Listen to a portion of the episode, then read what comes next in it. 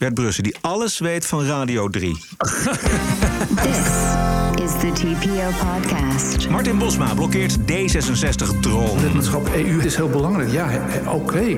Maar eh, we- zetten toch niet alles wat belangrijk is i- in de grondwet. Ik bedoel, eh, de zon is belangrijk, of de Rijn, of eh, wiskundeonderwijs, of wc-papier. Het staat allemaal niet in de grondwet. Waarom zouden we dat ook doen? Albert Heijn doet pijn. Het deed jij gewoon pijn om dat te zien in de supermarkt. Ja, ja pijn. ehm, ik was vooral teleurgesteld. En in Amerika, waarheden als The koeien. media has to start living by the truth.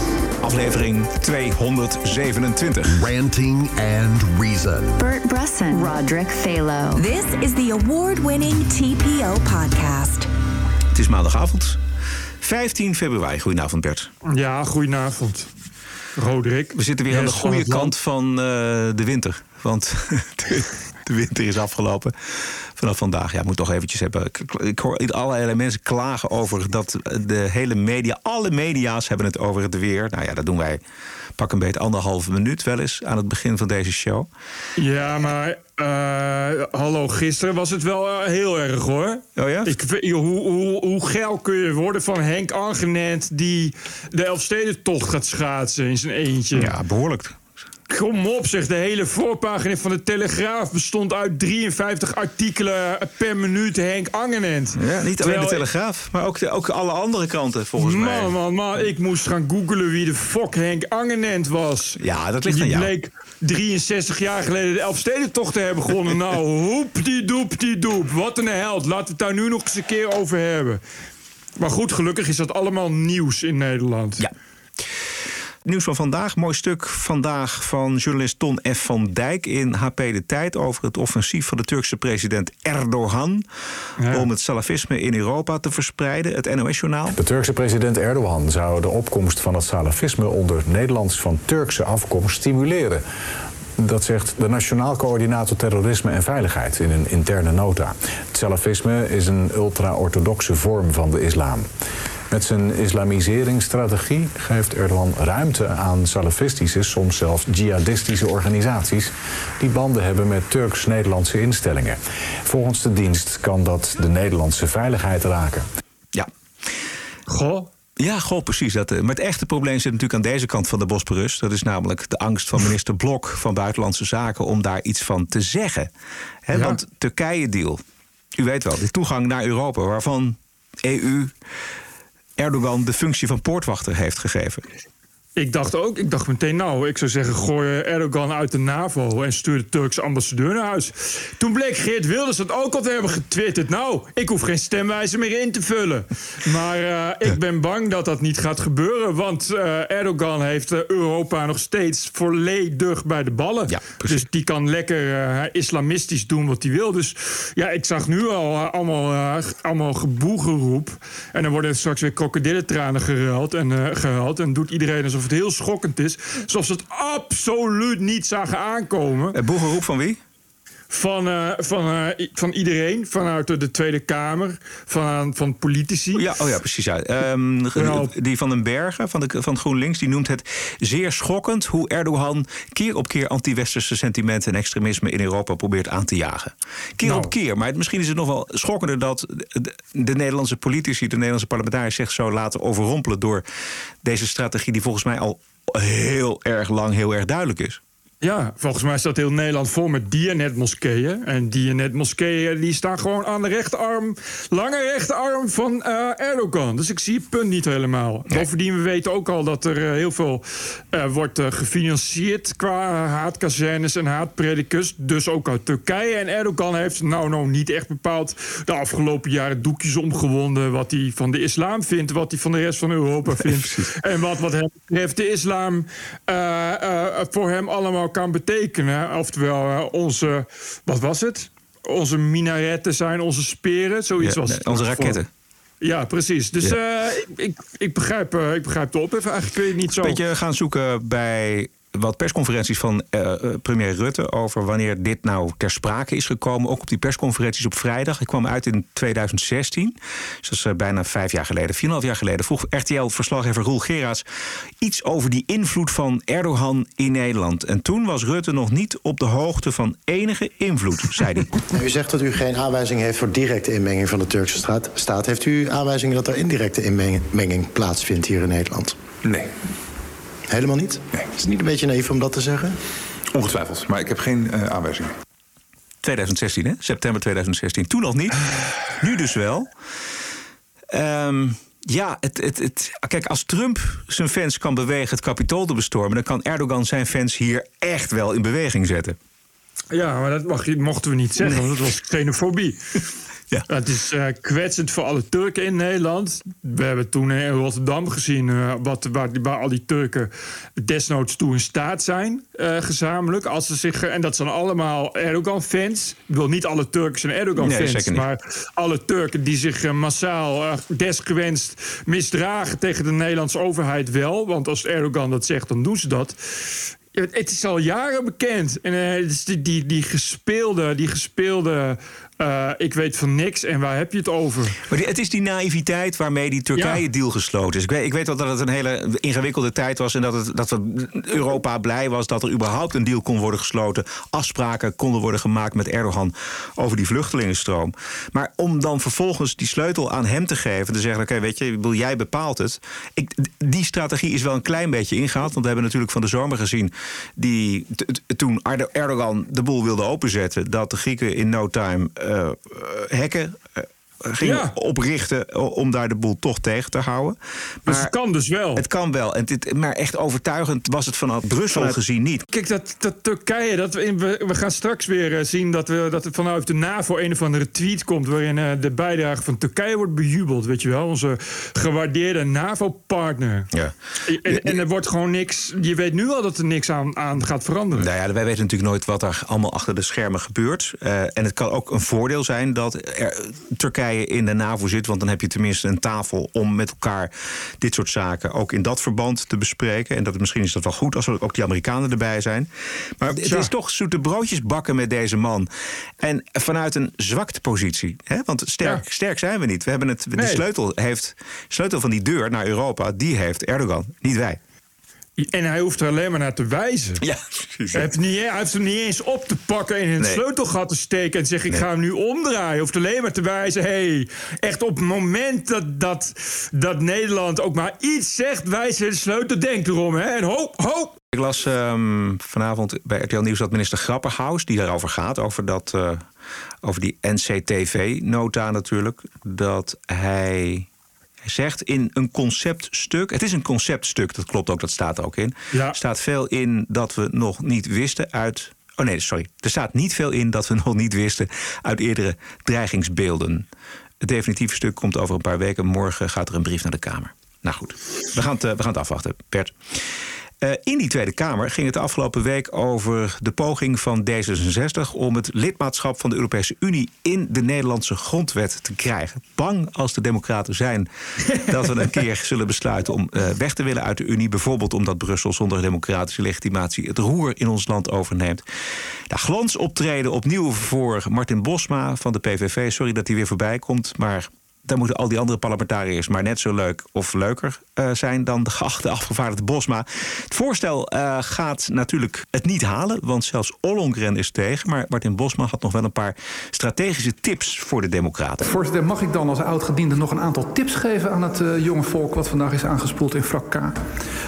het eerste is eigenlijk, als je met een plan komt, kom dan ook met een argument. Dus waarom moet iets gebeuren? Nou, je wilt iets in de, in de grondwet zetten. Nou ja, prima, weet je wel. Maar kom dan ook met, met, met argumenten, met een, met een onderbouwing. Ja, uh, lidmaatschap EU heeft grote gevolgen, zegt de heer Jet. Ja, oké. Het is heel belangrijk. Ja, oké. Maar uh, we zetten toch niet alles wat belangrijk is in de grondwet. Ik bedoel, uh, de zon is belangrijk, of de Rijn, of wiskundeonderwijs, of wc-papier. Het staat allemaal niet in de grondwet. Waarom zouden we dat ook doen? Ik bedoel, het gaat om staatsrecht. Het gaat om een grondwet. We zijn Niet groep 2 uit de basisschool en dat juf Gadisha ons op vrijdagmiddag bij elkaar roept en zegt... nou jongens, laten we met z'n allen een lijst maken van belangrijke dingen. Nou Rob, weet jij het? Ja. Uh, papa en mama. Nou, jij nog iets, uh, Kees? Ja, uh, ik heb een hond, die is ook belangrijk. Het gaat om staatsrecht. Wat is, wat is er misgegaan met D66? Ja. Waarheden als koeien wederom. Ja, ja, ja. En uh, waar is het misgegaan bij D66? Als, als hij die vraag stelt, dan is dat meestal een inleiding op wat Bosma dan gaat doen in het weekend bijvoorbeeld. Die gaat nou eens helemaal kijken naar uh, de geschiedenis van die partij. En dan komt hij op de ideoloog van D66 en dat is de heer Gruiters. Waar is het misgegaan met uh, D66? Ja, dat zei ik net ook al. Uh, ik heb van het weekend nog eens even de beide uh, biografieën gelezen van Hans Gruiters. dat was een fascinerende man. Hij is de echte oprichter van D66. Hij is ook ideoloog van D66, minister onder Den Uyl. Gruiters had een enorme hekel aan uh, communisten, uh, aan krakers. De kernwapens, weten we dat nog? Begin jaren tachtig, iedereen uh, liep daar tegen te demonstreren. Gruiters zei, plaats ze gewoon. Immigratie, daar was hij tegen. Hij zei, het mengen van al die culturen, dat gaat hartstikke mis. Hij was voor het referendum. Uh, hij was eigenlijk gewoon een soort PVV'er, voorzitter. I hate to say it, maar daar komt het wel op neer. En over de EU heb ik niet zo heel veel kunnen vinden... behalve één heel leuk ding. Dat ten, toen hij minister was, uh, wilde Vredeling blijkbaar... Vredeling was minister van Defensie, wilde blijkbaar een Europese uh, leger. En daar was hij zo op tegen, Gruiters... dat er ging klagen bij de Amerikaanse ambassadeur. Dus moet je nagaan, een minister... die gaat naar de Amerikaanse ambassade, onze, onze belangrijkste bondgenoot... om te klagen over dit eurofiele voorstel. Nou, dat is dus de uh, oprichter, de ideoloog van D66. Die dus eigenlijk gewoon een PVV'er was. Uh, wat doen echte D66'ers, voorzitter? Die snappen wat de beginwaarden waren van D66. De beginidealen. Die stemmen PVV straks op 17 maart. Denk ook maar eens aan Unhari Mulisch... die op zijn laatst zijn hele leven D66 was... en ten, zich tenslotte bekeerde tot Wilders en de PVV. En daar schrikt u van, hè? Dat weet u zelf niet. Ik heb jullie geschiedenis gelezen. Ik wist het ook niet. Ik wist het ook niet. Ik heb het opgezocht. Maar, maar het is wel. Ja. Het klopt. Het is ongelooflijk. Het zal me niks verbazen. Het ja. niks verbazen. Moelis heeft inderdaad zijn sympathie voor Geert Wilders opgebiecht... tegenover Marcel van Dam en tegenover Gerrit Komrij... en tegenover Theodor Holman. Ja. En Stefan Sanders heeft daar een stuk over geschreven in Vrij Nederland. Het ging Moelis ja. om de jodenhaat vanuit islamitische hoek... en de islamitische terreuraanslagen. Uh, Moody's had ook sympathie voor Fortuyn. En was geschokt door de moord op Fortuyn. Ja. Het kan verkeren, Bert. Ik wist het niet. Ik vond het uh, een mooi feitje omhoog gehaald door Martin Bosma. Maar uh, ja, je kunt ook zeggen... Harry Moelis was zijn hele leven lang fan van Che Guevara en, en Fidel Castro.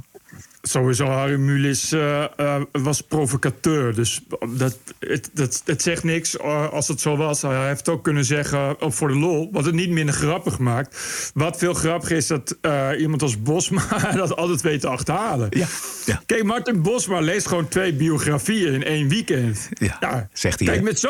met, ja, nou ja, ik geloof het wel. Met zo iemand win je de oorlog. Dat is dus het hele punt. Dat is het grappige aan Bosma. Dat zie ze nooit aankomen natuurlijk. Uh, goed, dat, dat uh, wetsvoorstel dat komt er niet. Opvallend trouwens dat Ollongren, las ik vandaag, dat ook niet ziet zitten... om die uh, EU, dat lidmaatschap, in de grondwet van Nederland uh, vast te stellen. Dat, is haar, dat gaat haar gewoon een, een brug te ver, blijkbaar. Nou, dat is al heel wat. Ja. Dat voor een D66. Maar ja, goed, zij is natuurlijk uh, uh, wel bestuurder in het kabinet. Dus uh, hij heeft daar misschien iets meer kijk op dan al dat soort D66'ers die vervolgens ook nog eens keer iets gaan roepen. Of van wie kwam dit wetsvoorstel? Van welke D66? Ja, dit zijn het Kees Verhoeven en Objecten. En Verhoeven, ja, nee, oké, okay, precies. Ver, Verhoeven gaat weg, hè? die is, uh, uh, komt niet meer terug na de verkiezingen. Als er een nieuwe Kamer komt, na de verkiezingen, komt hij niet meer terug. Hij staat, uh, is niet verkiesbaar. En uh, Jette wel. Jette? Ja, die staat op nummer twee. Dus die, uh, en dat oh. was ook nog zo'n grap van Bosma. Die zei van dat uh, hij nam dus afscheid eigenlijk van Kees Verhoeven. En hij nam ook afscheid van Rob Jette. Want die stond niet op een verkiesbare plaats. op nummer twee. Is wel zo. Is wel zo. Nog andere dingen uit Politiek Den Haag. Is jij nog iets opgevallen? Nou ja, die eh, Ridder Graus, Ridder Dion. Ach ja, moet je. Die eh, weer, weer een opspraak was. Ik heb Ja. dat hele stuk gelezen in de NSC. Ja, wat een ik moet zeggen dat het een kostelijk stuk was. Dat ik toch met veel plezier, inclusief popcorn, heb gelezen. En ja, waarin toch een beetje het beeld inderdaad naar voren komt. Wat je, wat je een beetje verwacht bij Dion Graus. Als iemand die. Ja, het is vooral nooit schuld van, vooral nooit schuld van Dion Graus. Ja, een viespeuk. Nou ja, ik geloof dat hij inderdaad... Hij was al wel eh, bekend dat hij, dat hij en zijn vrouw eh, swingers waren. Dus, eh, Maar ja, dat, is helemaal, kijk, dat, dat, gaat mij niks aan. Dat maakt mij helemaal niks uit. Ik maak een Nee, grapje. Gewoon dat het een viespeuk is, dat, dat, bedoel, dat weet ik niet. Maar dat gaat mij niks aan. Dus dat is eigenlijk wel... Ik las dat hele stuk met het idee van... ja, wat, wat moet ik hiermee? En wat is hier nieuws aan? En moet ik dit weten? Ja. Want ik hoef dat... Dat, dat, dat hij... Precies. Kijk, als er dwang achter zit, dan is het een ander verhaal natuurlijk. Als hij zijn eigen vrouw prostitueert met beveiligingsbeambten... ja, dan hebben we Ja. het over andere zaken. Dan heeft het over strafbare zaken. Maar goed, ja, dat kan een spel ja, zijn. Kijk, het is ook weer zijn ex, weet je wel. Dus het, dus, dus het zijn dan weer beschuldigingen waarvan... Ja, beschuldigingen. Dus het is allemaal... Maar het maakt het niet minder smakelijk. Nee, smakelijk is het. Nou ja, onsmakelijk en smakelijk is het wel natuurlijk. Maar ja, wat wil NRC hiermee? Is het... Ja, nou ja, kijk, wa- wat NSC natuurlijk wil, is dat Wilders, van, van, de- Wilders daardoor in problemen komt. Omdat hij eh, dan, dan natuurlijk eh, een probleem heeft met iemand die op die lijst staat. Maar ja, zolang er niks. Weet je, ja. Kijk, het is allemaal vage beschuldigingen en allemaal, allemaal ranzige dingen. Maar ja, dat zal wel. Weet je, ik, ik begrijp niet zo wat, wat, waarom dat een probleem zou zijn voor Wilders. Eh, en ja, kijk, zolang die, zolang die Graus niet wordt veroordeeld, dat is, dan kan die gewoon op die lijst blijven staan. En heeft, heeft Wilders daar ook niet echt een probleem mee, volgens mij. Nee, behalve dan dat het wel iemand is, en dat bleek wel uit dat stuk ook, maar die, die indruk heb ik ook wel een klein beetje, dat het iemand is die altijd ruzie zoekt. Eh, begint- Ja, hè, er zijn natuurlijk. ook stukjes eh, audio eh, afgedrukt, of in ieder geval die kun je horen daar Ja, op die website. Ja, nee, maar en dat- daarin hoor je dus ook, hij ook met Fleur eh Agema gewoon er ruzie maken. Over. En daar zegt ze ook van je moet ophouden, want je maakt altijd Precies. ruzie. En dat, het, is, het is een ruziezoeker, dat is het wel. Het is een lastige Ja. klant. En, en de vraag is eigenlijk waarom, als dit allemaal klopt wat NRC schrijft, ja, waarom Geert Wilders dan niet van hem af wil? En, en wat zit daar dan eventueel achter? Wilders kan gewoon zeggen, het zal me wel. Die hoeft daar verder niet op te reageren. En, en, en die kiezer, die heeft daar verder ook niet... Ja, weet je, die, die, die nemen dat ook voor kennisgeving aan. En zolang je, eh, zol- zolang je niet bent veroordeeld... of geen strafblad hebt, dat Ja. soort dingen... er niet zoveel mee. Nee. Dus het is, nou, wat ik zeg, het is een heel smakelijk stuk en zo. Maar ja, Maar wa- wat, voor, wat zat er voor nieuws in voor jou? Eh, nou, ik, ik, eh, ik- ja, nou ja, de hele, gewoon de hele opsomming van hoe hij zich gedraagt. Ik weet dat niet. Ik bedoel, ik, kom daar, ik, ik eh, volg die man verder niet. Maar dit is wel een beetje wat ik van heb gezien. Inderdaad, iemand die. Ja, het zal niet echt snel de schuld van Dion Graus zijn. Inderdaad, het lijkt me inderdaad iemand die al snel het idee heeft dat de wereld zich samenspant tegen, tegen de geweldige Dion Graus. En dat is natuurlijk een beetje het beeld wat je ook van dat soort fragmenten op, opduikelt. Ja.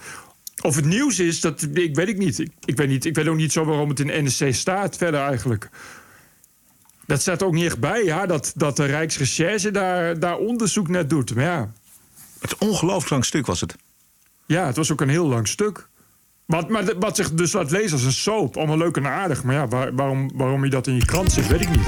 I was offended and I have rights. TPO Podcast. You're an adult. Grow up. Deal with it. Week kijken wij in de Wokweek naar mensen, bedrijven, instanties die zich eh, een slag in de ronde deugen of capituleren voor de terreur van de identiteitsideologie. Het was eh, weer eh, druk. Laten we beginnen met de Algemene Onderwijsbond van de FNV. Die heeft een onderwijsdebat gecanceld wegens bezwaren van leden van de bond tegen deelname van de onderwijsspecialist van de PVV, Harm Beertema.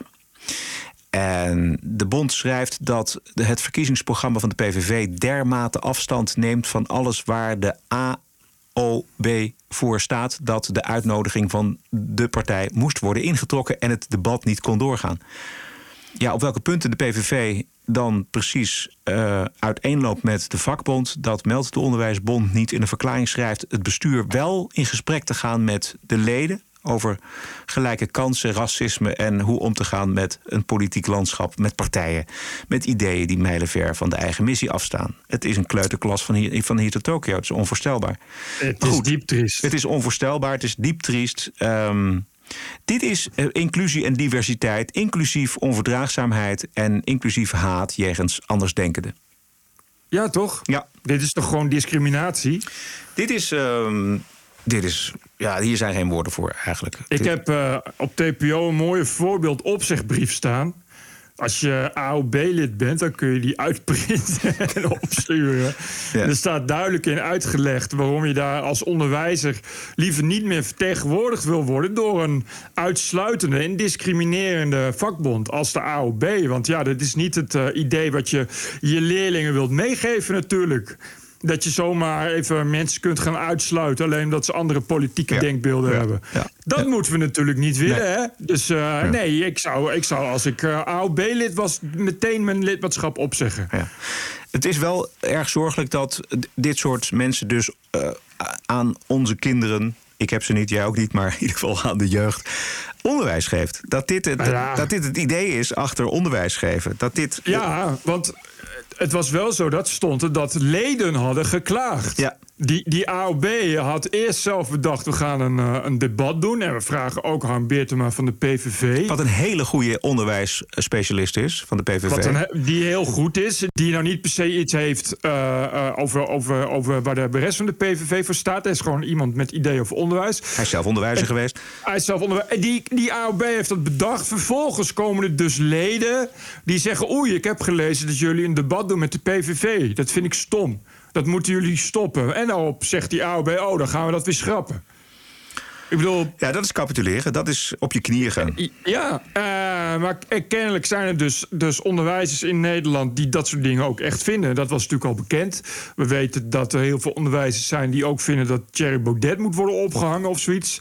Dus er zullen ook voldoende onderwijzers zijn... die vinden dat uh, de PVV niet mag, mag deelnemen. Maar ja, tegelijkertijd... Dat is natuurlijk, vind ik, vind ik het, het funeste eraan. Er zijn natuurlijk ook heel veel mensen, onderwijzers in Nederland... die gewoon lid zijn van zo'n vakbond... en helemaal niets tegen de PVV hebben... ook van niets tegen deelname van de PVV. En die krijgen ook gewoon dan een klap in het gezicht van hun vakbond. Wat ik gewoon heel raar vind. Je, kan dan, ja. je, je kan dan toch zeggen, ja, er zijn mensen die lid zijn van ons... die zijn er tegen, nou oké. Okay. Ja, we kunnen niet nu dat debat gaan schrappen... want er zijn ook mensen gewoon voor. Hoezo hebben die mensen die tegen zijn, die klagen over de PVV... meer rechten dan de mensen die daar niet over klagen? Wat mij het meest stoort is de hypocrisie natuurlijk weer. Dat, dat zo'n uh, vakbond het heeft over gelijke kansen, uh, racisme, nou, et cetera. Weet je wel, dat soort inclusief gelul. En dan dit doet. Dus dit gewoon zonder blikken of blozen eigenlijk inderdaad... als, het, als er bezwaren zijn van leden van die vakbond... en dan meteen zeggen, oké, okay, dan uh, schrappen we de PVV. Sterker nog, we schrappen het hele debat. Maar, ik, ik, ik, maar ga dan ook. Je, ik snap dan kennelijk het, het, idee van debat ook niet. Nee. Dan gaat ga er dan over in debat. Precies. Durf dat dan. Dus wat je nu hebt is eigenlijk... Kijk, die PVV is in de peilingen is de tweede partij van Nederland. Ja. Uh, dus, er zijn, uh, dus er zijn ook onderwijzers die PVV stemmen. Dat zullen ze misschien niet hardop zeggen, maar die zijn er wel. Ik weet dat toevallig. Ik ken onderwijzers die PVV stemmen. Die... Uh, nou, die, die, hoeven, die worden niet kritisch bevraagd. Die hoeven niet een debat. Dus als je daar zo tegen bent, dan geef je ze juist alle ruimte. Je moet daar dan juist mee in debat. Je moet dan juist kunnen laten zien. Bovendien, ik ben wel eens benieuwd uh, wat, wat voor verschrikkelijke onderwijsbijdragen er uit de mond van Harm Beertema dan komen. dat dat, ik, ik, kan me niet herinneren dat die überhaupt iets heel ergs uh, zegt wat je niet wil horen. Maar dit is gewoon een hele verstandige man die, die precies ja. dat, dat onderwijs helemaal heeft zien veranderen. Dat is zijn specialiteit bij de PVV. En die, heeft hele zinnige bijdragen. Dus dat is iets wat je gewoon moet willen. Je moet dat willen horen.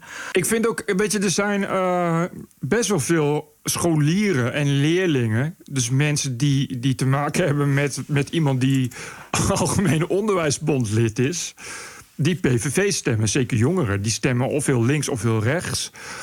Nou, misschien kunnen ze in uh, heel veel klassen en, uh, en scholen in Nederland hier een debat over gaan voeren. En dan kun je, als je docent bent, zeggen: Ik ben ook lid van deze vakbond. Wat vinden jullie ervan? Ja. Dat lijkt me veel, veel vormender en stichtelijker en stimulerender. dan dit soort treurige, anonieme klagers. die dan bij een vakbond huilie-huilie gaan doen omdat de PVV eh, eh, deelneemt. Die PVV die, het is verder een legale partij... die gewoon met democratisch verkozen volksvertegenwoordigers... Dus ik weet het niet. Ik, ik zou het heel kut vinden om zo'n leraar te hebben ook. Ja. Dat is niet, die, die zou mij als leerling in elk geval niet vertegenwoordigen, laat ik het zo zeggen. Bert, eh, jij was ook nog dingen tegengekomen? Justin Timberlake, wie kent hem niet, heeft eh, sorry gezegd. Oh. En dat komt omdat er dus een veelbesproken documentaire over Britney Spears Yes. is. En naar aanleiding van eh, die veelbesproken documentaire eh, vindt NSC dat het kapotmaken van Britney Spears allemaal de schuld is van misogynie. Alle andere mensen vinden dat het deels de schuld is van de media en van Britney Spears en hun management. Maar dit terzijde, eh nu de documentaire uit is, heeft Justin Timberlake, Timberlake natuurlijk ook excuses gemaakt. Hij heeft gezegd dat hij eh, enorm veel spijt heeft dat ook hij de vruchten heeft geplukt van een systeem dat misogynie en racisme in stand houdt. En dat hij ook heel veel excuses maakt voor het feit dat hij een man is in een geprivilegeerde positie. En hij heeft ook nog eens een keer sorry gezegd voor alle keren in zijn leven dat zijn, alles wat hij heeft gedaan hebben bijgedragen aan dit probleem. En hij heeft ook nog eens een keer sorry gezegd aan alle keren dat hij voor zijn beurt heeft gesproken. Heeft hij ook aan Britney persoonlijk zijn excuus aangeboden voor iets wat hij, wat hij persoonlijk heeft gedaan? Want hij heeft een relatie gehad met haar, volgens mij, of niet? Ja, ja dat Dus- staat er niet bij. Dat Maar er niet bij. Dus eh, gewoon in algemene zin, gewoon zeg maar de, de, de woke riedel. Specifiek wil ik ook nog sorry zeggen tegen Britney Spears en Janet Jackson. Ik weet niet wat hij tegen Janet Jackson heeft gedaan, maar goed, hij zegt Ja, ook die heeft, sorry. de- dat dit was de Nipplegate, was dat. Daar heeft Oh, hij mee oké. opgetreden. En toen gebeurde er iets met haar BH of met een pakje. En toen Ja. zag je dus haar eh tepel. En dat is een enorm schandaal geworden. En hij zegt ook nog: oh, iedereen verdient beter.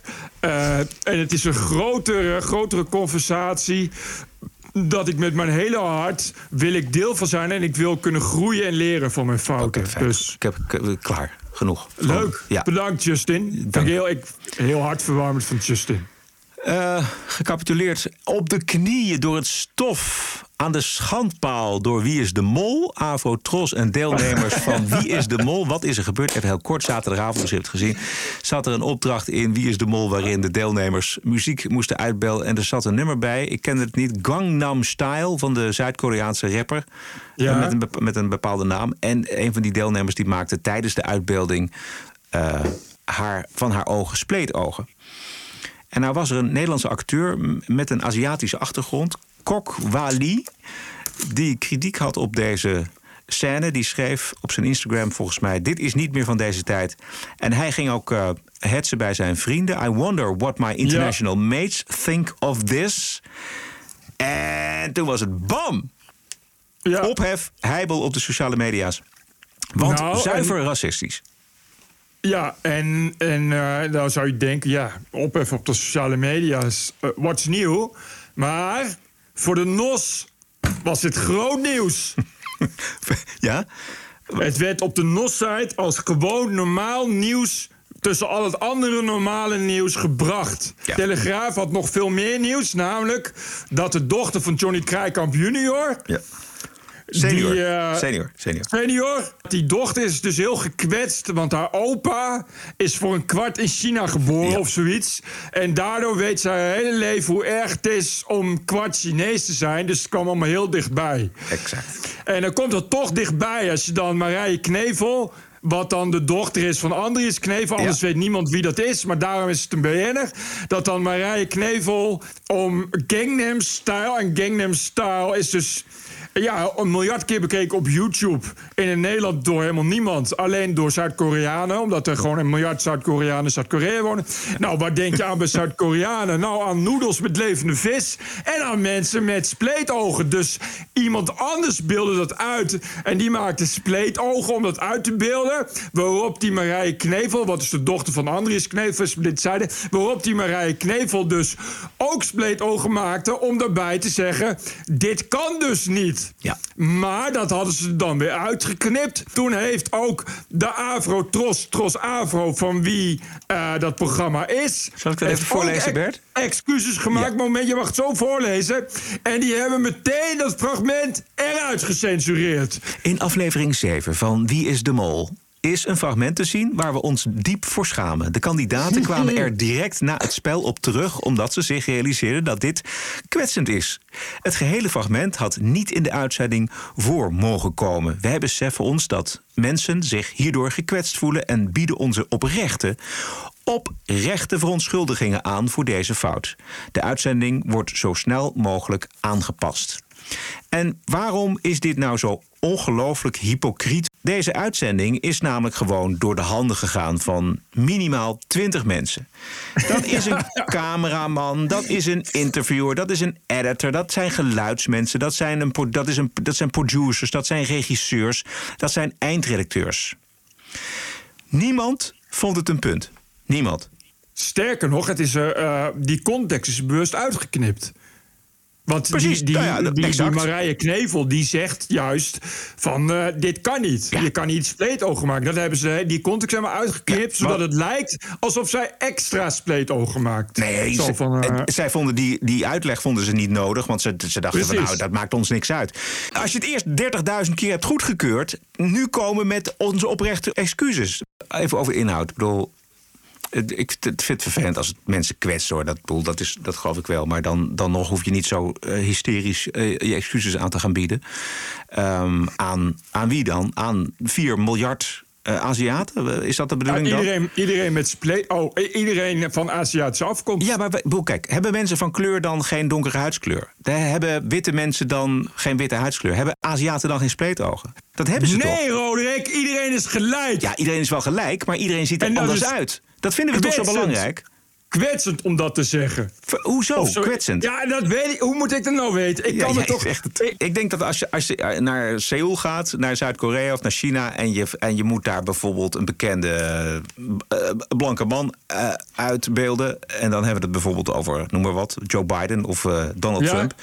En dan gaat iemand ook wijzen naar zijn witte overhemd en dan op Ja, zijn wang. ja. En dan gaat, hè, dus wit, iemand is wit. Is dat dan ook kwetsend? Is dat dan kwetsend voor, voor wie? Ja, ja, als, ze als ze in China eh, Nederlands moeten uitbeelden, dan eh, komen ze met tulpen en klompen aan. Ja. Ja, ja, is dat erg? Moet Ja. ik nu. eh, ik haat tulpen en klompen. Moet ik me nu gekwetst voelen? Kijk, dat iemand zich, bijvoorbeeld zo'n Sanne, dat hij zich. ehm, dat hij het vervelend heeft gevonden in haar jeugd dat ze voor eh poep Chinees werd uitgemaakt. Misschien niet de hele dag, een keer wel. Ja, dat kan. Dat is, Nou, kan, nee, maar luister, ik bedoel, dat, dat is vervelend. Laat het eventjes klein maken. Eh, ik ben ook uitgescholden. Mijn, ik had mijn naam niet mee. Roderick, dat was rooie, dit en dat. Eh, eh, was rooie Rick, et cetera. Weet je wel, daar kan ik ook, kon ik ook verder niks aan doen. En zo is- Nee, heeft iedereen wel iets gedaan. Maar waar- het punt is namelijk, en daar, daar begon ook die tweet van die acteur mee. Zij spreken namens iedereen. Weet je, zij spreken namens 4 miljard Aziaten op de wereld. Ja, dat zeggen alle ze. Aziaten. Precies. Het zijn altijd mensen die zeggen te spreken voor heel veel anderen. En dan pakken ze hun eigen leed, namelijk, oh jee, eh, ik, heb, ik heb me in mijn jeugd op het schoolplein ben ik uitgescholden voor poepchinees. En nu, als je dus dit doet op een televisieprogramma, daarmee kwets je, niet alleen mij, maar 4 miljard Aziaten. Wat total bullshit is. Nou, eh, maar dan los daarvan. Ik vind het gewoon bullshit dat je daardoor gekwetst raakt. Ik Nou vind het niet dat, dat, daar gaan wij niet over. Dat, dat, kom op, zeg. Nee, dat weten wij niet. Nou, ik wel. Ik vind, eh, ik vind, dat, ik vind dat, je, dat je best een keer ergens een grens mag trekken. Dat je niet elke keer alleen als, als iemand zegt: Ik ben door iets gekwetst. dat je dat dan ook meteen serieus moet gaan nemen. Dat doe je bij kinderen ook niet. Dit is waar. Ik bedoel, Maar goed, eh, da- eh, je- dan kun je, want ja, dan kun je niks meer zeggen. Dan, kinderen leren ook van ja, oké, maar ja, als soms dan zeggen mensen iets. En dan, en dan, en dan kun je daar wel nog gekwetst voelen. Ja. Dat is ook zoiets. Dat de Telegraaf gaat dan denken... oh, wie kunnen we spreken die een kwart van Chinese afkomst is? Die gaan we dan bellen. Kwart. Ja. Ik weet wat- niet. wat- Ja, nee, het, het- zo was het niet. Ze, heeft niet. ge- Ze hebben niet gebeld. Het, zij had het op haar Facebookpagina Oh, oh opgeschreven. oké, Dus. Daar heeft de Telegraaf het van. Maar bedoel, dan- kijk, Bert, ja, over, nog even over kwetsen. Heb jij wel eens boodschappen gedaan bij Albert Heijn bijvoorbeeld de laatste tijd? Ik haal altijd eh Vietnamese noedelsoep bij Albert Heijn. Ja, en dat doe jij zeker zonder Heerlijk. enige gedachte. Nee, eh, ik, ik wil graag de Vietnamese keuken dan in huis halen. Ja. Dus dan ga ik naar de Albert Heijn en weet ik dat zijn mensen die er echt verstand van hebben. Dat ik echt, die echt dat echte Vietnam proefje in die Vietnamese noedelsoep. Precies, dat is de, de Vietnamese pho, is dat, hè? Ja, de pho, de Vietnamese pho, Precies, dat zeg ik. precies. Nou, vanmiddag op Radio 1 in het programma van Twan van Peperstraat en Dionne Staks... een hartverscheurende klacht over boodschappen doen bij Albert Heijn. Van een Vietnamees-Nederlands meisje over een eh, Vietnamees gerecht bij Albert Heijn. Dus dat de boodschappen doen deden nog nooit zozeer. Het deed jij gewoon pijn om wel dat te van. zien in de supermarkt. Ja, ja pijn. ehm, ik was vooral teleurgesteld. En er zijn ook wel redenen voor waarom. Oké, dus niet, geen, niet, de- de- deed niet pijn. Dat is niet goed, Twan. Het was niet pijn, ze was teleurgesteld. Die ik nog graag wil uitleggen. Ja, vertel. Ehm, ja, nou, ten eerste... De Albert Heijn heeft een soort verantwoordelijkheidspositie gekregen nu. Aangezien Oh. ze ja, een- nu een, een stukje ons...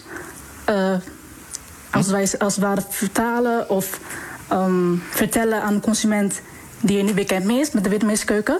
Aangezien ze de naam gebruiken.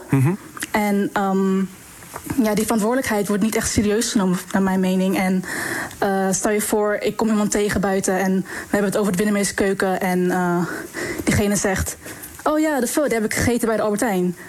Nou, pff, ja, Ja. oei, dat, dat, is geen, dat is geen pho. En het is iets totaal anders. Ik, ehm, als ik dit zie, dan zie ik niet echt dat er. eh, het is nou in de cultuur dat er geen erkenning is getoond. Ik zie ook niet echt waardering of respect naar, naar het gerecht toe. Ja, pijn, pijn. En dan vraag ik mezelf af, beste Albertijn, waarom ehm, hebben jullie nou überhaupt de naam Vietnamese pho zo gebruikt voor, voor het gerecht wat totaal niet is wat het hoort te zijn? En nou, ik denk dan eigenlijk, ja, waarom? Ehm, ja, geld, denk ik dan. Ja, Ik dacht, eh, Ja, eh, ik- laten, we, het- laten we het gewoon hierbij houden. Want hier valt niet zoveel meer over te zeggen, volgens ja maar mij. dit is dus wat ik net zeg. Nou, Als je dit al, al dat gekwet serieus moet gaan nemen, moet je dit ook serieus gaan nemen. Oké. Neem, Dat het, wordt neem, lastig. het, neem het Dat serieus. wordt lastig. Nee, nee. Ik ga wel eh, heel anders nu naar de, naar de, naar de lumpia-stand voortaan. Je vraagt je toch af of dat wel echt Vietnamese lumpia's zijn. Dat is wel goed dat iemand... Der, goed dat Radio 1, dat Twan en Dionne een programma hebben... waarin dit soort echt belangrijke, echt, echt prangende vragen... eh, zo'n uitgebreid, kritiekloos podium krijgen. Kijk, dat ik- vind ik, wel, denk- ik vind ik heel fijn. Voor zover ik weet hoe dat eh, gaat, ik kan me voorstellen dat het zo gegaan is dat eh, ja, die redactie moet iedere dag een programma vullen. En, Ja. eh, ja, en er wordt gewoon, dit is, dat dit überhaupt door een eindredacteur wordt gezegd van oké, dit gaan we doen. Is onvoorstelbaar. Het meisje vindt, heeft, vindt het ook lastig om het uit te leggen. Is ook een beetje nerveus, dus dat is ook, ook niet fijn. Maar het, het gaat ook nergens over natuurlijk. Dit is. Het, eh, zij mag dit wel vinden natuurlijk, maar dat je dit een plek op de radio geeft, jongen. Ik begrijp ook niet wa- dat meisje is gekwetst omdat de, Albert de Vietnamese pho. Hoe zeg je dat? Pho. Pho. Pho. De- omdat de, dat de, uh, de Vietnamese pho bij Albert Heijn. Is, is wat niet Vietnam genoeg of zo. Ja, Of zo dat- ik begrijp niet wat, dat. wat, wat nu zo pijn doet, überhaupt. Alsof Ik weet niet, zij heeft duidelijk nog nooit Hollandse hutspot gegeten van de Albert Heijn. Nee, wat, Want daar zit heel weinig Holland in, kan ik je vertellen. Ja.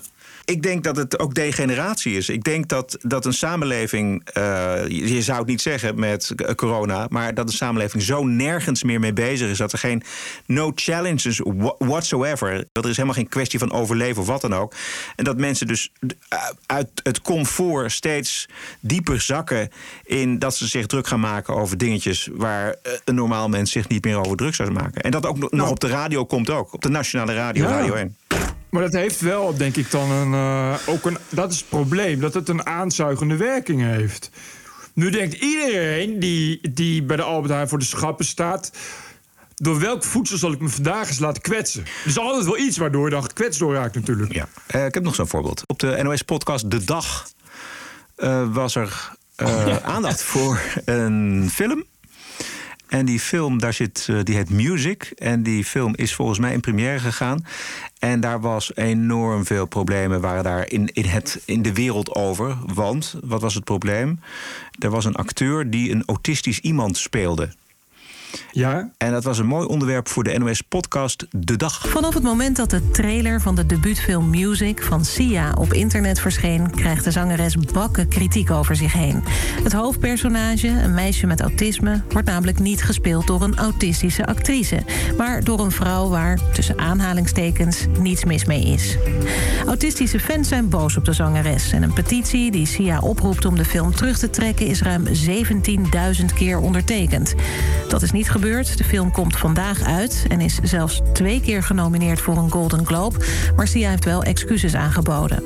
Hoe dan ook is het een discussie die meer en meer aandacht krijgt in de filmwereld. Ook in andere gemeenschappen. Want hoe zit het bijvoorbeeld met al die homoseksuele personages die gespeeld worden door hetero's? Of transgenderrollen, gespeeld door niet-transgenders? Oh of personages God. in een rolstoel, door acteurs die kunnen lopen? Oh, dit, in welke le waar zijn we terechtgekomen, Bert? Dit is toch onvoorstelbaar dat we acteurs gaan afrekenen op het acteren, dat ze acteren. Ja. What the fuck gewoon? Er bestaat geen homogemeenschap. Er is geen autistische gemeenschap. Er zijn geen gemeenschappen. We hebben het over individuen, mensen. En we hebben het over een hele grote groep mensen die elke dag, de hele dag achter hun computer zitten en lopen te tikken op sociale media als er iets niet aanstaat. En daar luistert de wereld naar. In wat voor wereld leven wij? Nou, duidelijk in een wereld van autisten. ik ben ook eh, heel benieuwd hoe, je, hoe ze dat anders voor zich zien. Dan moet je een autistische acteur gaan regisseren. Ja, succes. Actie. En Straks komt er nog iemand en die, die is dan iemand die dood is, bijvoorbeeld. Ja, ja, ja, ja. Nee, maar, dan- serie- maar serieus, Ja, dan ja, moet je. en dat- dat, eh, ja. Maar je wil een, een sterk cast, anders loopt hij niet. Dus wil je Brad Pitt. En die moet iemand in een rolstoel acteren. Zo wordt.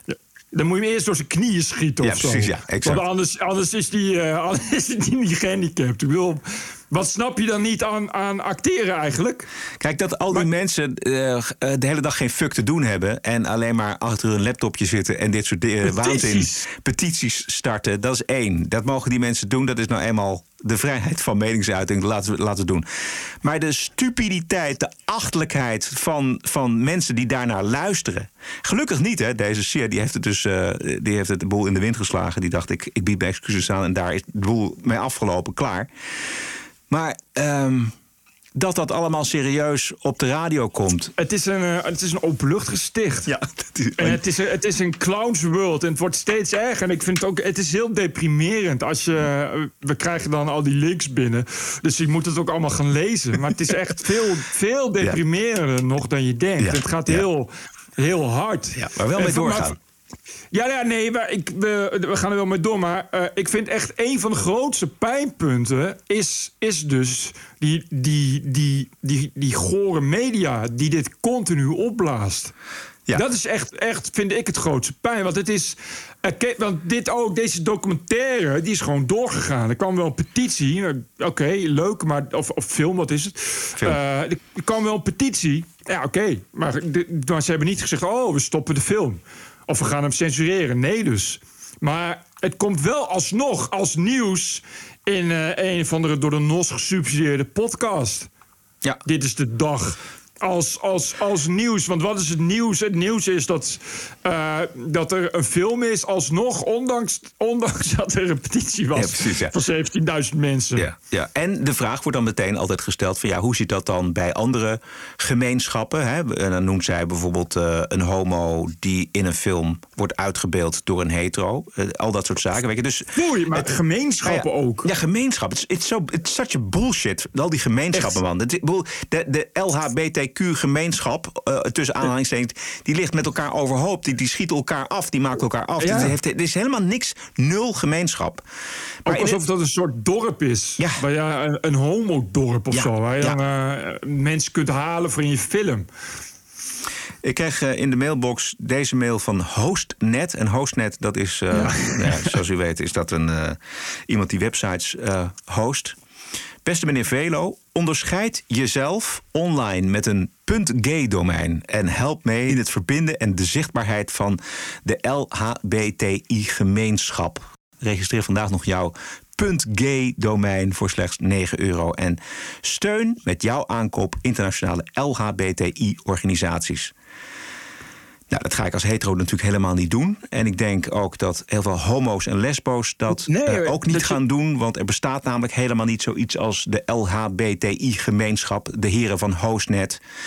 En omdat al die letters, nou ja, wat ik al zei, eh, elkaar de tent uitvechten. Dat je ook, dat je ook als homo blij bent hè? met, met dat, dat hoostnet. Eh, op grond van, van het bestaan van jouw seksuele voorkeur nog wat extra, extra geld kan verdienen en wat marketing Nick kan voeren. Dat je ook denkt van eh, nee, doe eens niet. Doe eens gewoon niet, inderdaad. Doe eens niet. Wat, eh hoe is- maar echt. Punt gay doe mij. Wat, voor wie is dat leuk? Ja, voor, voor de uitbater van de gay sauna of zo. Weet je, wat is toch niet een. Jongen, het is gewoon- toch niet iets wat past bij, je- bij, bij je domein. Het is echt gewoon een, een misselijkmakend marketingtrucje van Hostnet. Die dan gaat eh, op hier, 9 euro voor slechts 9 euro. En je steunt jouw aankoop internationale eh, organisaties. En daar gaat natuurlijk, Oh. weet ik veel, 1 euro naar zo'n organisatie. En Ja. 8 euro strijken ze zelf op. Wat voor organisaties ook. Weet je? Ja, precies, Eh, staat er ook niet bij. Ho, organisaties van homogemeenschappen. Het is gewoon meeliften op die hele eh, inclusie- en diversiteitshype.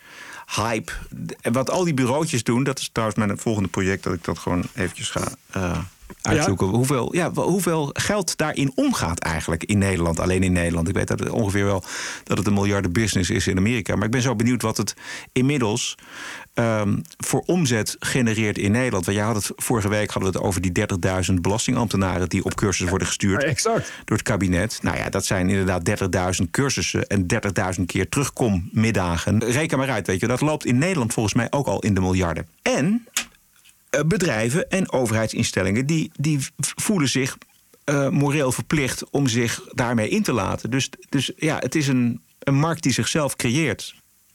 Moreel verplicht. Ja. ja. Ik, alleen het woord al. Moreel verplicht. Eh, en dat gekoppeld aan, aan, aan een commercieel bedrijf. Ja. Weet je? Gruwelijk. Het eh, perverser kan het niet. Perverser kan niet. Het kan het gewoon niet. Het is- ik, eh, ik ga denk ik een punt autist domein. Dat, dat lijkt Ja. me wel wat. Dat lijkt me zeker voor het internetgebruikende publiek meteen heel veel eh klandizie opleveren. Precies, dus waarom alleen punt gay? Waarom niet punt lesbo Ja. erbij? En waarom niet punt black of punt, punt white? Punt, punt blanke hetero man. om maar, om maar zijn vervolgde, zwaar vervolgde minderheidsgemeenschap te noemen. Eh, de helft van de werknemers bij de New York Times voelt zich niet vrij om hun mening of ideeën uit te spreken op de krant. Eh, dat onderzoek werd in december gehouden en was voor intern gebruik. Maar de New York Post die kreeg het in handen. Dat is de grote concurrent eh, van de New York Times in New York althans. En er Ja. zijn nogal de laatste tijd wat redacteuren en verslaggevers ontslagen. of uit eigen beweging opgestapt omdat hun meningen en gedachten niet welkom waren. Zo moest de chef opinie vertrekken omdat hij een stuk van de Republikeinse senator had geplaatst. En er is daar een woke revolte gaande, niet te geloven, waar de honden geen brood van lusten. Conservatieve columnist van de Times die schreef een stuk over waar we het vorige week over hadden, namelijk over die collega Donald McNeil. Ehm, de man die in Peru zonder intenties iemand eh, te kwetsen het N-woord had gebruikt in een antwoord op een vraag van een student waarin dat woord werd gebruikt. De columnist, eh, die, die conservatieve columnist heet Brad Steffens en die schrijft dus eh, over het ontslag van McNeil een column.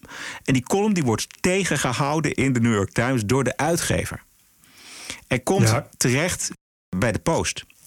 Schitterend, geweldig geschreven. Heb je gelezen? Ja, ik heb hem gelezen. maar Ik, ik dacht ook van ja, wat had je anders verwacht? Je Ja. gaat een, col een column tegenhouden als uitgever. Ja, wat, dan ga je, ja, natuurlijk ga je dan naar de concurrent. dat moet je anders. Ja. Zal ik een heel klein stukje voorlezen eh, Graag. in het Nederlands? Kijk, waar het allemaal om draait is de intentie bij mensen. Wat, wat, wat zijn ze van plan of wat waren ze van plan? Is de intentie goed of is de intentie slecht? Elke serieuze moraal, filosofie, elk fatsoenlijk rechtssysteem en elke ethische organisatie geeft veel om intentie. Het is het verschil tussen moord en doodslag. Het is een verzwarende of een verzachtende factor in gerechtelijke instellingen. Het is een kardinale overweging bij pardons. Het is een elementair aspect van ouderschap, van vriendschap, van verkering en van huwelijk. Een kenmerk van onrechtvaardigheid is onverschilligheid ten opzichte van die intentie. Het meeste van wat wreed, onverdraagzaam, dom en verkeerd beoordeeld is in het leven, komt voort uit die onverschilligheid. lees verhalen over het leven in repressieve samenlevingen, dictaturen. En wat je als eerste opvalt is hoezeer de regimes geven om uiterlijke conformiteit en hoe weinig om persoonlijke intentie. Ik vond een geweldige column en ik, het zegt alles dat die uitgever hier een stokje voor steekt. Sinds wanneer uh, kunnen uitgevers columns schrijven? Ja, ja. Dit geeft wel, uh, dit geeft wel blijk van een hele, hele enge uh, vorm van. Uh, Wat is er gebeurd met dat redactiestatuut, Bert? Van organiseren binnen de New York Times. Ja. Want ja, je zou toch denken dat de hoofdredacteur gewoon het laatste woord heeft, niet de uitgever. Ja, blijkbaar niet. Misschien is nog wel die, die hoofdredacteur, die lafaard, die Dean Baggett, dat die ja. met die column naar die uitgever gegaan is. want want dat, dat die hoofdredacteur is ook de lafaard die eerst zei tegen McNeil van... Ik, ik beoordeel je op je intenties en ik zie verder geen, geen probleem. En toen kwamen die 150 ratten op de redactie die een protestbrief schreven. En toen is die hoofdredacteur Dean Baggett is uh, overstag gegaan. Die krant gaat wel hard kapot zo op deze manier. Het is wel echt, ik bedoel, een uitgever die columns tegenhoudt, is wel een soort, soort doodsteek voor elke serieuze krant. Ja, alle normale, goede mensen die gaan daar weg, die worden weggepest. Ja. Die sfeer op die redactie, dat onderzoek zegt ook alles, weet je wel. Als, als, als de helft van je werknemers zich eigenlijk onveilig voelt omdat ze niet meer mogen zeggen wat in hun gedachten opkomt. En voor een journalistieke organisatie is dat volgens mij een levensader. Dus kan ik mij nog herinneren van de redactie van. RTL. Ik bedoel, ik was echt ja. wel met, ik was met weinig, zeg maar, die, die mensen. Uh, met mensen die het ook um, mijn mening onderschreven over een tal van zaken. Maar ik heb nooit het gevoel gehad dat ik mijn mond moest houden. Of dat ik, dat ik helemaal niet, juist niet. Het waren altijd leuke discussies. Of het daar met de hoofdredacteur was of met andere collega's, was dat allemaal geen enkel probleem. En dat is heel belangrijk voor een journalistieke organisatie.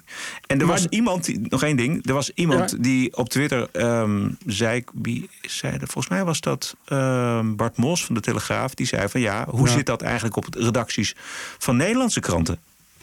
Nou ja, dat, dat, dat vraag ik me dus best wel af. Ja? Zullen we waarderen? Doneren? Zullen we weer Ja. leren doneren, ja? TPO Podcast. De TPO-podcast. eh, wij draaien niet op subsidie. Geen commerciële invloed. De TPO-podcast is onafhankelijk geluid en bestaat dankzij donaties. Ranting and Reason. Eén keer per week, elke maandagavond, kijken wij hoe wij worden gewaardeerd door onze luisteraars. En lezen wij de reacties voor als die er zijn. Eh, waarderen kan op tpo.nl slash podcast. En schrijven mag naar info.tpo.nl. Bert. Yes, ik heb er twee, maar dat zijn twee, wel twee grote. Het zijn eh, beide eh, ondernemers die een groot bedrag hebben gedoneerd. Eh, waarvan één eh, anoniem wil blijven. En de ander niet, en dat is Sebastian Deurlo van Deurlo Lijsten in Amsterdam. Eh, lijsten eh, voor schilderijen. Dat je denkt van wat de fuck zijn lijsten? Dat dacht ik dus ook. Maar schilderijen moeten ook in een lijst. En foto's en dat soort dingen. Sebastian van Deurlo Lijsten schrijft... Beste Bert en Roderick... Eh, hier een heel jank verhaal van een ondernemer die niet voor 16 maart 2020 begonnen is, maar op 18 maart en dus tot nu toe geen recht heeft op welke steun dan ook. Ik luister sinds de eerste aflevering zonder problemen, maar merk dat ik sinds corona steeds meer zit te fulmineren richting die laptop als ik Bertje alle lockdowns en alle andere maatregelen hoor verdedigen en propageren. Ik mis als ondernemer de nuance. Eh, nee, niet alle zwakken hoeven dood. Maar een hele planeet gijzelen voor een virus. wat nou ook weer niet de allerdodelijkste ooit is, vind ik weer het andere uiterste. Ik ben ook geen expert, dus laten we het erop houden dat ik door een gekleurde bril kijk. Des al wel te plus. Jullie vroegen om donaties van bedrijven die niet zo heel veel op hebben met de hele woke-trend. En here I am. En dat voor een bedrijf in de culturele sector, want ik ben een lijstenmakerij. Juist. En die lijstenmakerij, dat- die zit in Amsterdam, hè? Ja. Aan de Jan van Galenstraat, 151. Oh, jij kent hem? Nou, ik heb hem even opgezocht. En dat zijn prachtige lijsten. En daar moet je heen als je eens een keer een schilderij of een, mooie ads bijvoorbeeld. Om die eens een keer een ander lijstje te geven. Dat, dat eh, levert zoveel plezier op. eh, want dan ziet dat schilderij er opeens heel eh, anders uit. En vaak heb je zelf niet het idee van wat nou een goede lijst is. Maar, Ja, ja. maar bij Deurlo-lijsten weten ze daar alles van. En je gaat opnieuw genieten van je schilderijen en van je, van je etsen. Nou ja, jij hebt dat, jij hebt dat dus gedaan. Dus dan, dan zal dat waar zijn. Ja. Maar dat is dan kennelijk nog een heel vak ook. Ja, Deurlo-lijsten heeft ook een website. Deurlolijsten.nl. Met dubbel O. Ja, dat kan niet missen. Ehm, even nog over zijn inhoudelijke opmerking over eh, hoe wij praten over de lockdowns en de maatregelen. Ehm, we we krijgen daar best wel vaak eh, commentaar op. En het is zeker niet zo dat wij eh, alle maatregelen even geweldig vinden. Ik, ik heb voor Nee. RTL nog een hele serie gemaakt eh, over ondernemers, met name de horeca in de buurt van de Utrechtse straat. Hoe die omgaan met deze maatregelen. En dat is echt gruwelijk en verschrikkelijk. En mijn hart gaat uit naar de mensen in de horeca en kleine middenstanders die, die nu ook dicht moeten. Dus daar gaat het niet om. Maar ik denk dat Bert en ik allebei wel denken. Dat virus is er, weet je wel. En dat, dat virus moet weg. En hoe sneller het weg is, hoe beter het is voor de middenstand en voor de Nederlandse economie. Ik ben helemaal niet. Ik ben juist voor die ondernemers. En ik, ik, ik begrijp heel erg hoe kut dat is. Eh, en ik vind ook eh, dat het allemaal zo snel mogelijk weer open moet. Maar wat ik, wat ik wel eens meekrijg is dat mensen zeggen: Ik vind het zo kut. dus dan moet het maar weer open. En maar dat, dat vind ik niet hetzelfde. Dat betekent niet dat het dus geen pandemie is. Of dat er dus geen virus is. Dat het kut is, dat is evident. En, eh, Ik zou ook nooit ontkennen dat het zo is. Wat ik wel vaak zie is dat mensen zeggen... eh, die maatregelen raken mij, dus het is allemaal niet waar. En ja, dat vind ik gewoon niet. Ik, bedoel, ik snap dat die maatregelen je raken, maar dat betekent niet dat het dus geen virus is. Er valt eh, evenveel te zeggen voor, voor een lockdown als tegen, laat ik het zo zeggen. Anyway, eh, hij heeft eh 412,23 euro gedoneerd. Geweldig. En hij zegt nog, hij schrijft nog: Ga door, jullie hebben een functie en ik hou van jullie. Hoe vaak ik het ook met jullie oneens ben. Een warme groet, Sebastian Deurlo. Geweldig, Sebastian. Dankjewel, jongen. Eh, en nog één, en die is anoniem. Beste Bert en Roderick. Tel bij het prachtige werk wat jullie verrichten de verbijstering over de nieuwe inclusiviteitskoers van werkgeversorganisaties VNO-NCW op. En er is maar één conclusie mogelijk. Hoog tijd voor een nieuwe donatie. Want jullie geluid moet ondersteund worden. Bedankt voor alle prachtige podcasts. Eh, hij doneerde 500 euro. En dat is iemand die vaker doneert. Die eh, prachtige producten verkoopt, kan ik je vertellen. Maar ik kan niet vertellen wat, maar het is wel zo. Ik koop ze ook wel eens, laat ik het zo zeggen. Eh, ja. Eh, nee, maar dat is, is serieus waar, overigens. Ja, ja. Anders zou ik niet weten waar ik ze moet kopen. Nee, maar hij heeft het over de inclusiviteitskoers van VNO-NCW. En dat is inderdaad de VNO-NCW die... Die, dat kopte het Financieel Dagblad, daar stuurde hij een screenshot van mee ook. Eh werkgeversorganisaties komen met een koerswijziging. Ze willen eh, pijlers naast de groei moeten worden duurzaamheid en inclusiviteit. Want zo ziet de politiek het ook graag. Maar is de achterban ook blij? Nee. Nou ja, dus, dus, dus, dus ook dat VNO-NCW, wat natuurlijk eigenlijk jarenlang gekend is als een vrij ja, harde en rechtse organisatie, omdat die het opnemen voor werkgevers die willen winst maken, die komen nu ook ineens met, met dit soort woke Ja, shit. Ja, maar zal, ik je En- zeggen dat waar, waar het nou aan, dat heeft puur te maken met dat, het, dat daar een winstgedachte achter zit.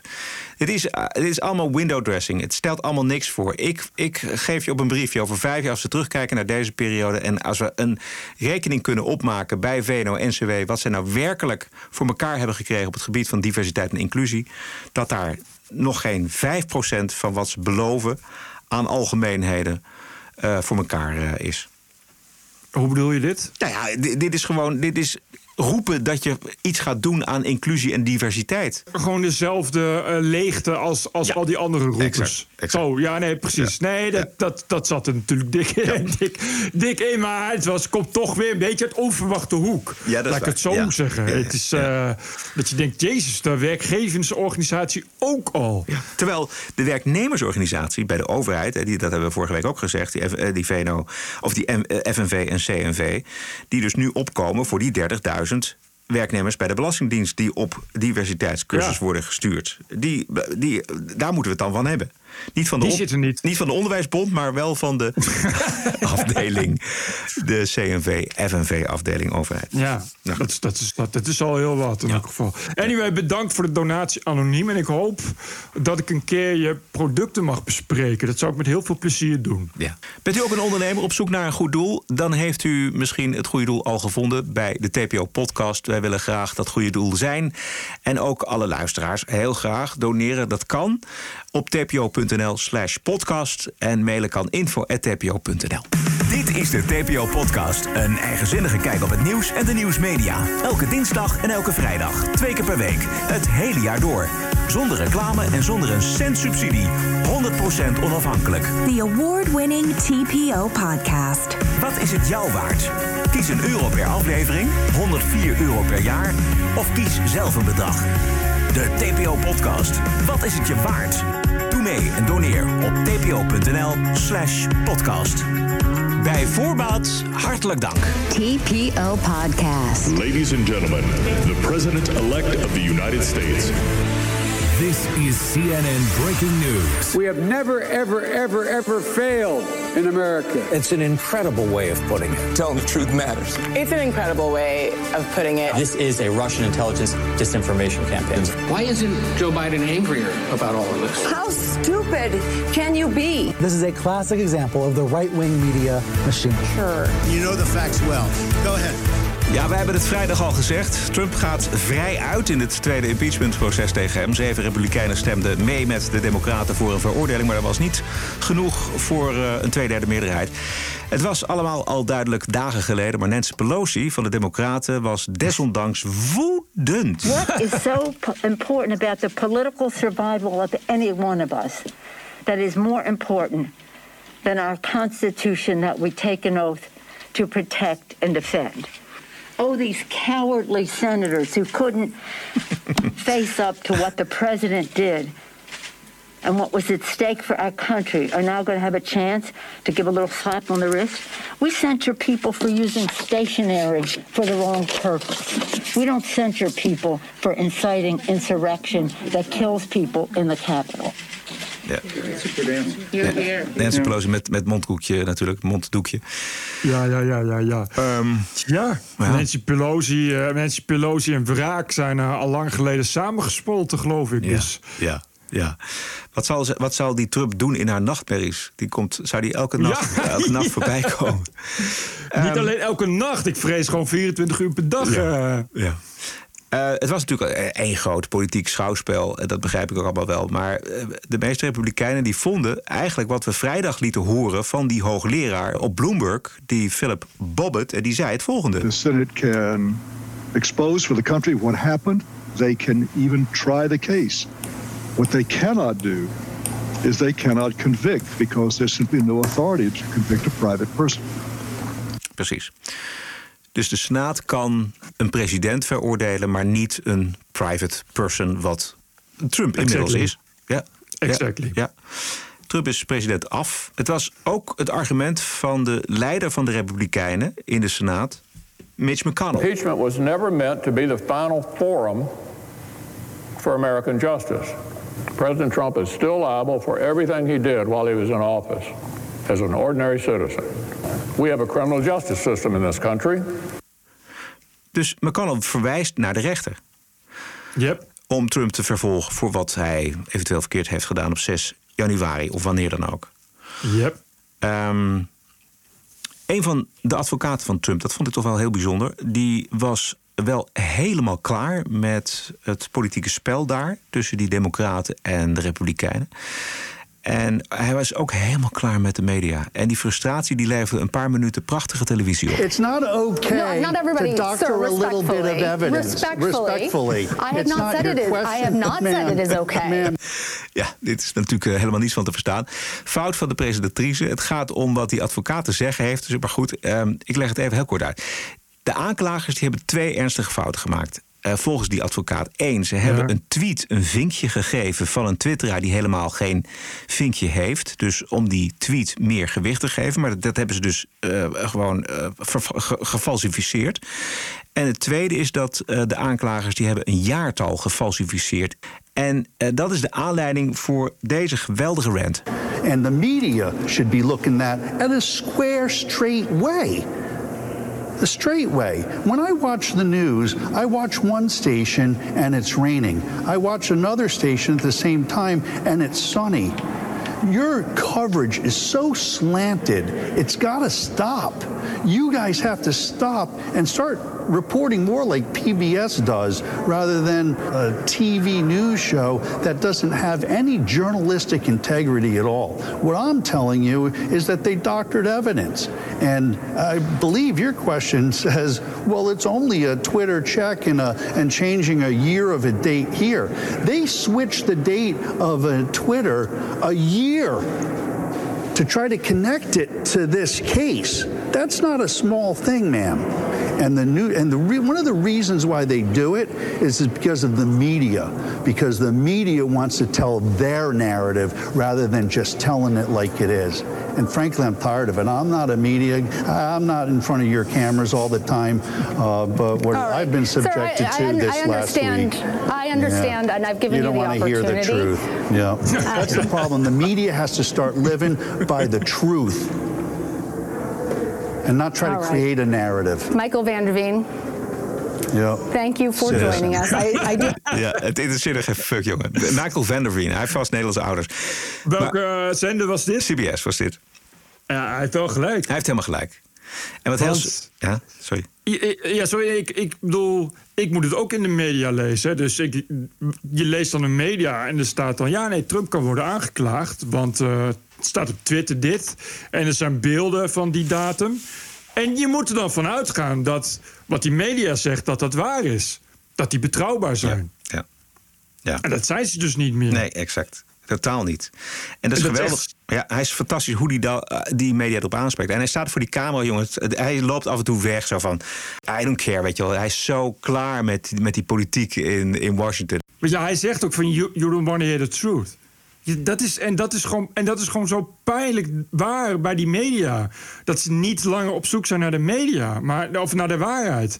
Maar naar hun eigen eh, eh, narrative. Exact. En dat is precies waar we het eerder over hadden. New York Times, weet je wel. Die, die hebben die hele woke-cultuur om, op die redactie. En dat, dat, dat breidt zich alleen maar uit. Omdat de New York Times ook een narrative te vertellen heeft. Hè. Zeker als het gaat om Trump.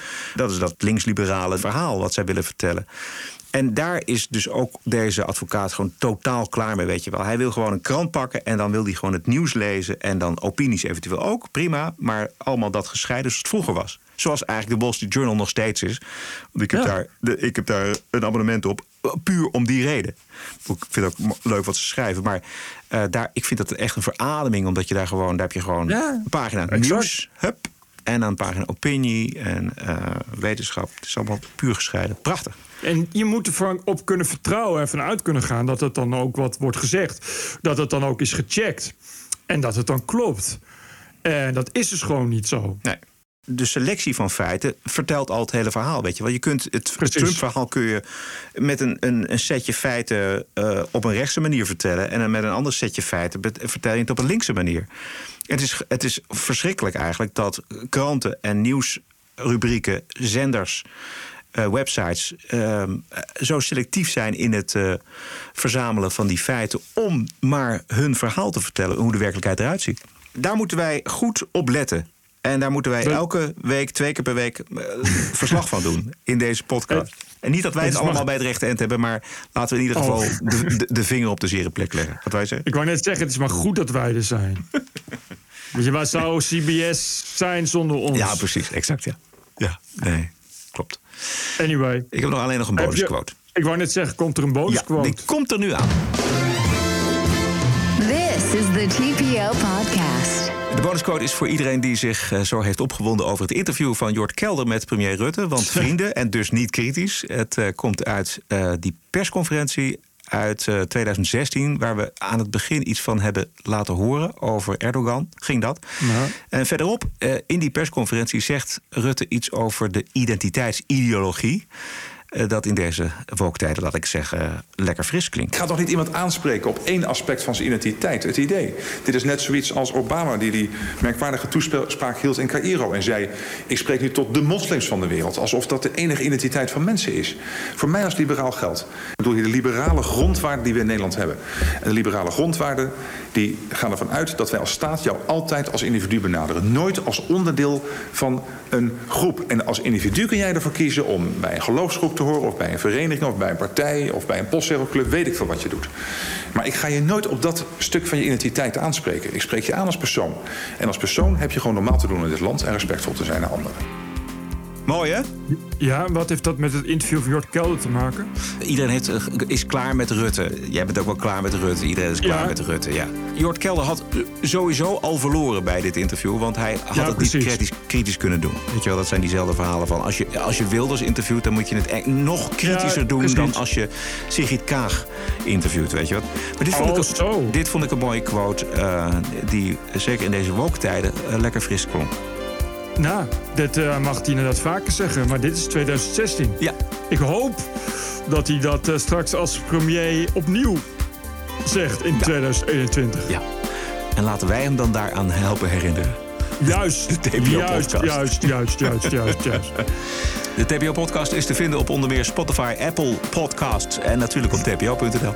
Zeer veel dank voor de ondersteuning van aflevering 227. Blijf het doen, heel graag. Post kan naar info.tpo.nl. En waarderen graag op tpo.nl slash podcast. We zijn terug vrijdag 19 februari. Stay cool en tot vrijdag. Ik ga lekkere Vietnamese pho van de Albert Heijn. En eh, daarna Ja. Foe Hai. TPO Podcast. Bert Bruson, Roderick Balo, Ranting and Reason.